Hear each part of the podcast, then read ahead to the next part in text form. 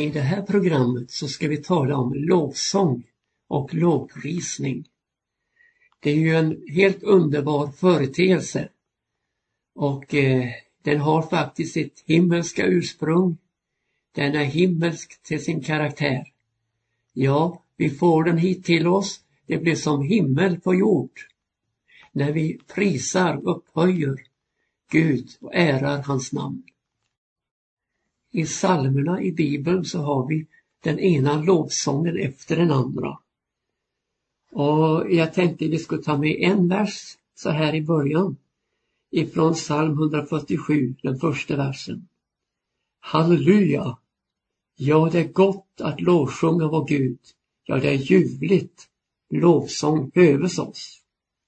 Och det stöter väl in då i det här gamla ordet höves oss som betyder då att passa sig eller anstår. Det är väl ingenting som så passar sig som lovsång och tillbedjan och ge Gud äran och få upphöja det underbara Jesusnamnet. Jag sa det att det är en himmelsk företeelse. Och i psalm 29 och den nionde versen så heter det också så här. I hans himmelska boning förkunnar allting hans ära. Ja, det finns ingen disharmoni i himlen, inga missljud, utan allt som hörs är en enda tillbedjan, lovsång till en allsmäktig Gud och hans son Jesus Kristus. Så har vi då förmånen att härifrån jorden få upphöja vår röst i tillbedjan, i lovsång, i lovprisning och göra vår röst hörd i höjden. Att tillsammans med änglar få ära och prisa det underbaraste namn av alla, Jesus namnet. Det är så att den äkta lovsången, den kommer från hjärtat och når våra läppar som en frukt, en frukt som prisar hans namn. Det är en oerhörd styrka att få uttrycka det som finns i hjärtat på läpparna. Ja, det hjärtat är fullt av, det talar munnen. Och tänk att få uppleva den här livsströmmen i sitt innersta, hur den tar uttryck i lovprisning och ärar Guds underbara namn.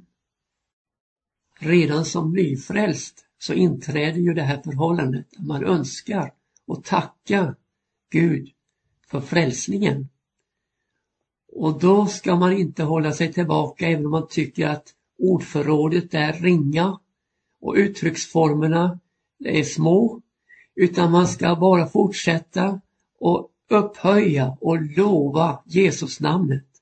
För det är en underbar väg till seger i livet med Jesus. När ett barn föds hit till världen så väntar man att få höra ett skrik som talar om att barnet lever. Lungorna fylls med frisk luft och vi hör, jo då, det är liv här. Så följer skriket med föräldrarna hem. Det blir sömnlösa nätter och dagar då man tycker att oj, är det så pass? Men hur du, man gläds ju över gråten. Och varför? Jo, för därför att det talar om att här finns det liv, här följer en sund utveckling. På samma sätt är det med den nyfrälste. Lovsång, ja, tillbedjan, det kan ta olika uttrycksformer. Och om det nu är gråt, skrik, glädje, ja, Eh, det är inte det som är så avgörande. Utan det som är avgörande är just detta jag pekar på här. Att det finns liv. Det talar om att här, ja just här finns liv. För du vet att vore det tyst, då, ja då var det oroväckande. Gråt och jubel hör samman i ett väckelsemöte och en väckelseatmosfär. Och så var det när grunden lades till Herrens hus i Jerusalem. Det kan vi läsa om i Esra bok kapitel 3 Och vi läser där från vers 10. När byggningsmännen lade grunden till Herrens tempel ställdes prästerna upp i ämbetsskrud med trumpeter, såg leviterna, Asas barn, med symboler till att lova Herren efter Davids, Israels konungs anordning. Och de sjöng under lov och tack till Herren därför att han är god och därför att hans nåd varar evinnerligen över Israel. Och allt folket jublar högt till Herrens lov därför att grunden till Herrens hus var lagd. Men många av prästerna och leviterna och huvudmännen för familjerna, de gamla som har sett det förra huset, grät och högljutt när de såg grunden läggas till detta hus. Många åter jublade och var så glada att de ropade med hög röst och man kunde inte skilja mellan den högljudda glada jubelropet och folkets högljudda gråt, till folket ropade så högt att ljudet därav hördes vida omkring. Ja, så var det när templet, när grunden till templet lades. David han pekar på det här i psalm 8. Om denna enorma makt som ligger i lovsången.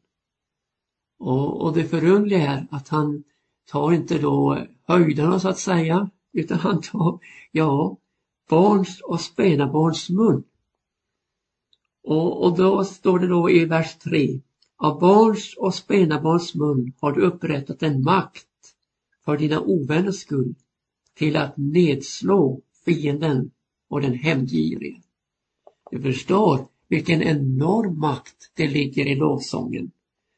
Och, och då i detta med att ett barn, ja till och med ett spädbarns mun kan få uttrycka detta.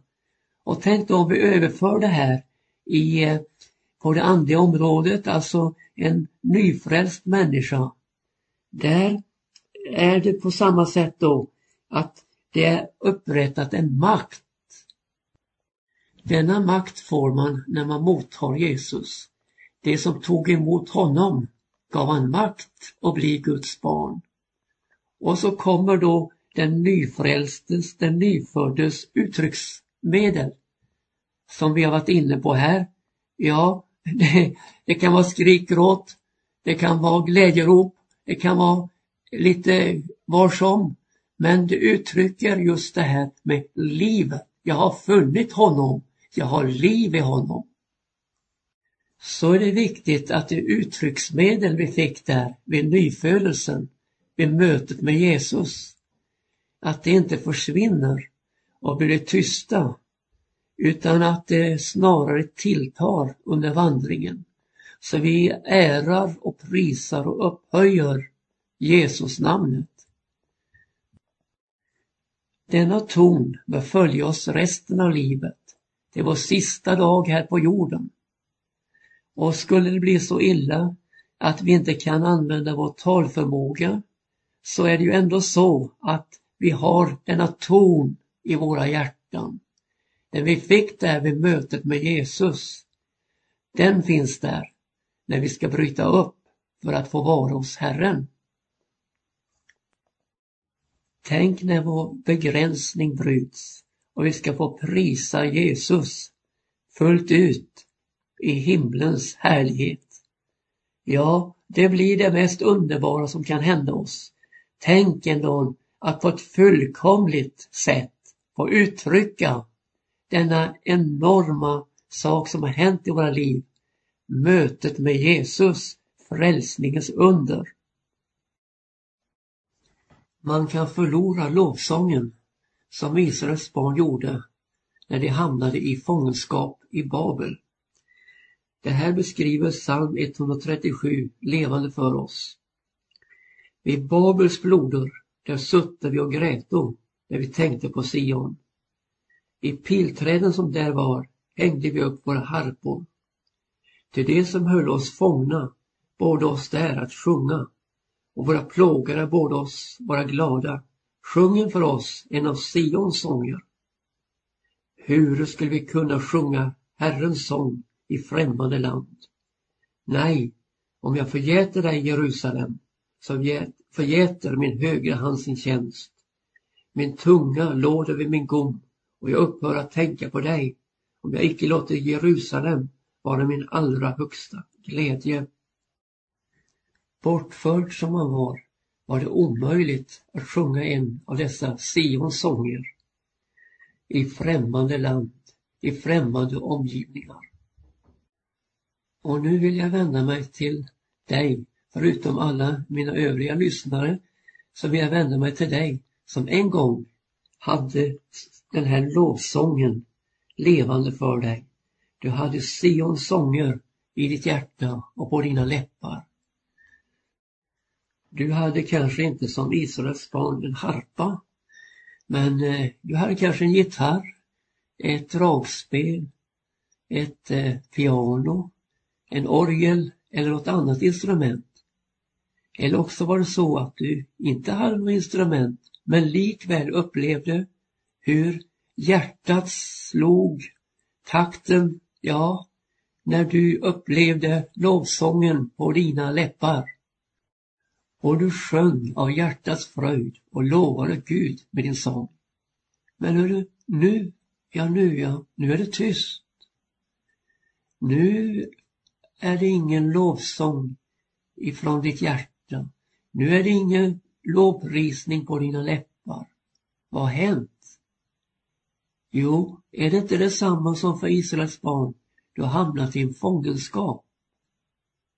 Ja, fångenskap är ju en situation som vi inte ser själva så tydligt och klart.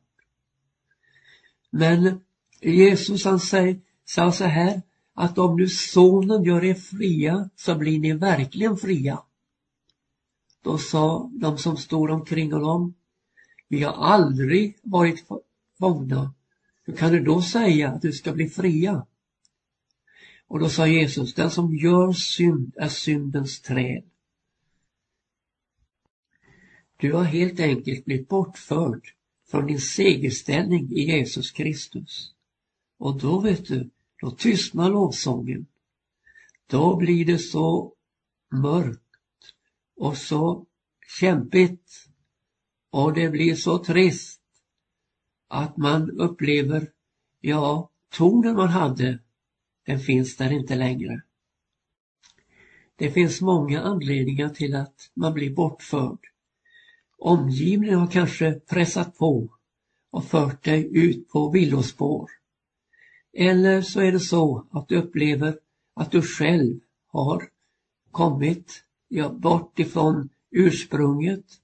Ja, du har tagit ett steg i felaktig riktning och så blir det nästa steg och så följer steg på steg och så hamnar du, ja, i just detta, en fångenskapssituation. Men hör du, idag finns det ett kungabud som ljuder. Inte som för Israels barn av en persisk konung, Kores, utan ifrån, ja, konungarnas konung, herrarnas herre, Jesus Kristus. Han säger så här, kom till mig, ni alla som arbetar och är betungade, så ska jag giva eder ro. Tagen på eder mitt ok och lärna mig, till mitt ok är milt och min börda är lätt. Du kan få uppleva att dessa, dessa som tynger ner din själ och omöjliggör lovsång och tillbedjan och eh, lovprisning till Jesus och till Gud. Det kan brytas och du kan få komma ut på ett frigjort, frigjort område där Jesus på nytt får fylla hela din tillvaro. På detta frigjorda område som jag här talar om kan du som David få vara med i psalm 103 och lova Herren. Han säger så här. Lova Herren min själ och allt det i mig är hans heliga namn. Lova Herren min själ och förgät icke vad gott han har gjort. Han som förlåter dig alla dina missgärningar och helar alla dina brister. Han som förlossar ditt liv från graven och kröner dig med nåd och barmhärtighet. Han som mättar ditt begär med sitt goda så att du blir ung på nytt som en örn. Herren gör rättfärdigt ens verk och skaffar rätt åt alla förtryckta. Han lät Moses se sina vägar, Israels barn sina gärningar. Barmhärtig och nådig är Herren, långmodig och stor i mildhet. Han går inte ständigt till rätta och behåller ej vrede evinnerligen. Han handlar icke med oss efter våra synder och vedergäller oss icke efter våra missgärningar. Ty så hög som himmelen är över jorden, så väldig är hans nåd över dem som fruktar honom. Så långt som öster är från väster låter han våra överträdelser vara från oss. Som en far förbarmar sig över barnen, så förbarmar sig Herren över dem som fruktar honom. Ty han vet vad för ett verk vi är. Han tänker på att vi är stoft. Ja, hörru, vi kanske ska stanna just där. Men eh, jag tänkte på just detta befriade område som Herren vill föra dig in i. Det är ju där, där eh, nåden är så hög som himmelen är över jorden. Och det är där som överträdelserna ifrån oss, så långt som öster är från väster. Hörru, det är ett område där Jesus är Herre, där Jesus har herraväldet. Och där, just det där fria området, vill han föra dig in med sin mäktiga, härliga kraft. Vadå? Jo, genom Jesu Guds sons blod som renar från all synd. Du kan på nytt få sjunga Sions sånger och fröjda dig i Herren. För du vet, fröjd i Herren, ja, det är vår starka. Låt mig peka på skillnaden på Sions sånger när man kommer tillbaka till landet och av hjärtats fröjd får sjunga till Guds ära. Och på situationen i Babel där eh, det handlade om tvång, träldom och eh, dess melodier. Där man på Duraslätten hade ställt upp bildstort för tillbedjan. Och eh, då kommer just det här budet där att i fjärde versen ifrån, ifrån tredje kapitlet i Daniel. Detta var det befallt i folk och stammar och tungomål där ni hör en ljud av horn, pipor, citror, sambuker, saltare, säckpipor och allehanda andra instrument ska ni falla ned och tillbedja den gyllene bildstol som konung Nebukadnessar har låtit ställa upp. Men den som icke faller ner och tillber, han skall i samma stund kastas i den brinnande ugnen. Ja, det var just den situationen som var där i Babel. Alltså detta, denna tillbedjan av en bildstol som då symboliserade världsrikena. En tillbedjan av denna världen. Ja, ännu värre än så. En tillbedjan av denna världens första. Och, och den tillbedjan, det är ju som jag då påpekar här, det är en träldomssituation. Det var är det befallt. Om inte, ja då är det den brinnande ugnen som gäller. Vilken skillnad mot friheten i Jesus Kristus. Där vi av hjärtat, ja just det, med fri vilja, med glädje Gud får prisa Jesus Kristus. Han som har seger över denna världens furste. Låt mig än en gång få citera Jesus. Om nu sonen, Jesus, gör er fria så skall ni bli verkligen fria.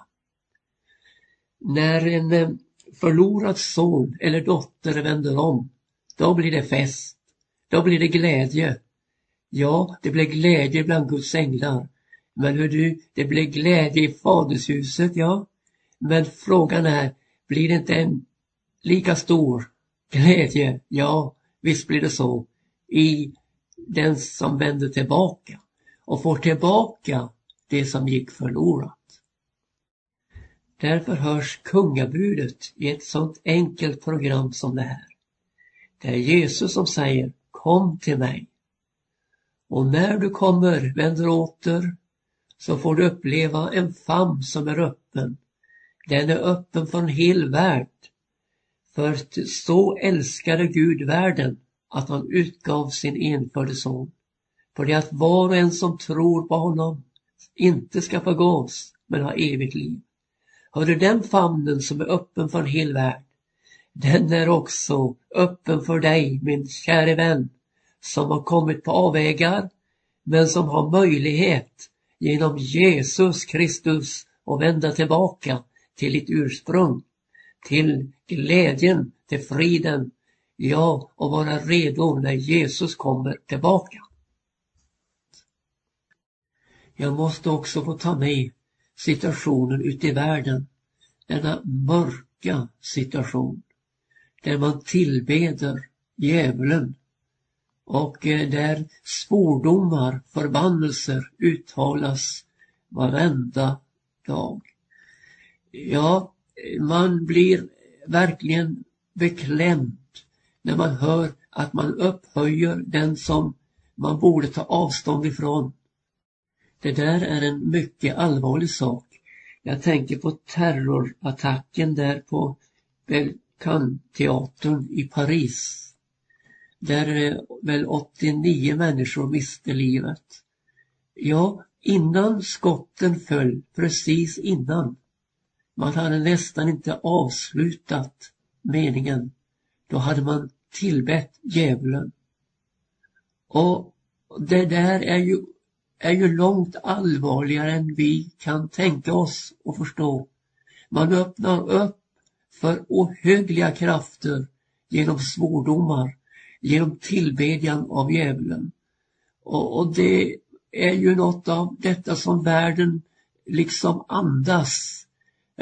Om vi, nu har ju Gud förskonat oss från att se det här i, eh, med våra ögon. Men om vi skulle kunna se det så skulle vi se en fruktansvärd eh, förpestning. Detta är en långt allvarligare förorening än den vi hör om till dagligdags som sker i naturen. Eh, låt mig ta med en konkret situation, en idrottstävling. Vinner man så är det djävulen som kommer på eh, läpparna. Förlorar man så är det djävulen som kommer på läpparna. Och eh, den här, alltså man, man talar om en som man ytterst eh, väl inte tror på men som likväl är en fruktansvärd makt som finns. Vart för då dessa svordomar? Ja, de når ju upp till luftens härsmakt, försten över luftens härsmakt. Han får den här tillbedjan. Vi för vår del har ju naturligtvis något som är något helt annat som bryter igenom denna barriär av mörker och det är vår tillbedjan till Jesus Kristus som går långt, långt högre, nämligen når himmelen och Guds hjärta. Men som vi sagt, det finns ett befriat område i Jesus Kristus. Och vår lovsång, den når igenom allt det, den, detta mörker och denna ondska. Ja, den når ända in till Guds hjärta. Och, och det är så stort att få uppleva att vi får prisa den ende som är värd att upphöja och prisa. Vi får lova Jesus Kristus.